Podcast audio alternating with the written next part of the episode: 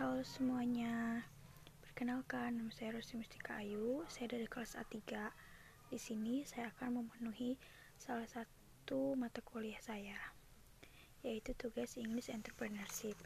Di sini saya akan sedikit membahas tentang value of market plan, identify the market competition, and the last is database. Oke, yang pertama kita bahas market plan. Market plan atau rencana pasar Istilah market plan pasti sudah tidak asing lagi ya bagi kalian.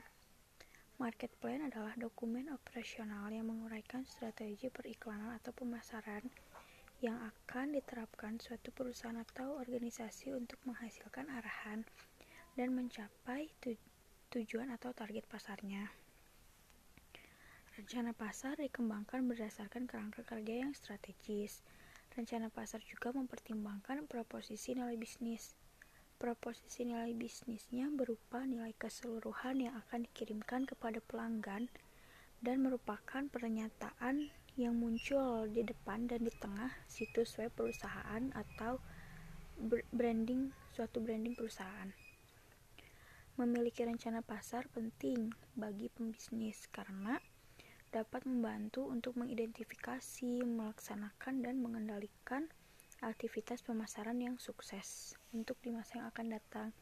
Jadi untuk kalian para pembisnis, kalian harus mempunyai harus membuat market plan agar perusahaan kalian tersusun dengan rapi. Nah, yang kedua tentang analisis persaingan.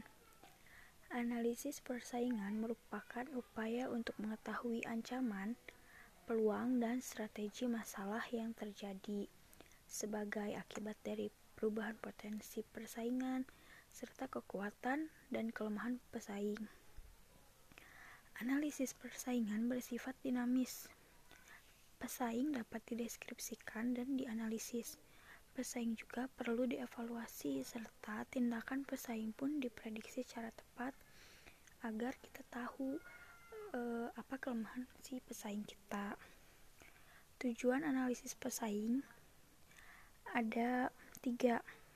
Yang pertama, kita dapat mengidentifikasi strategi yang dibuat pesaing kita. Yang kedua, kita dapat menganalisis kekuatan kelemahan pesaing kita. Dan yang terakhir, kita mampu merencanakan strategi yang harus dibuat untuk menghadapi pesaing. Jadi, kita harus bisa menganalisis pesaing kita saat kita mempunyai bisnis. Dan identifikasi pesaing itu meliputi yang pertama jenis produk yang ditawarkan. Kita harus tahu produk apa yang ditawarkan oleh pesaing kita. Apakah ada produk lain atau produk yang lebih kreatif, kita harus tahu. Dan yang kedua, melihat besarnya pasar yang dikuasai pesaing. Soalnya kita harus tahu eh, target pasar target pasar pesaing kita itu besar atau tidak. Yang ketiga, identifikasi peluang dan ancaman. Kita harus tahu peluang peluang uh, dari pesaing kita misalnya. Pesaing kita tuh uh, kurangnya di sini berarti kita harus meningkatkan kreatif lagi supaya lebih dari dia gitu. Ancaman kita harus introspeksi dari produk kita supaya pesaing tidak tahu apa kelemahan kita. Yang terakhir identifikasi keunggulan dan kelemahan.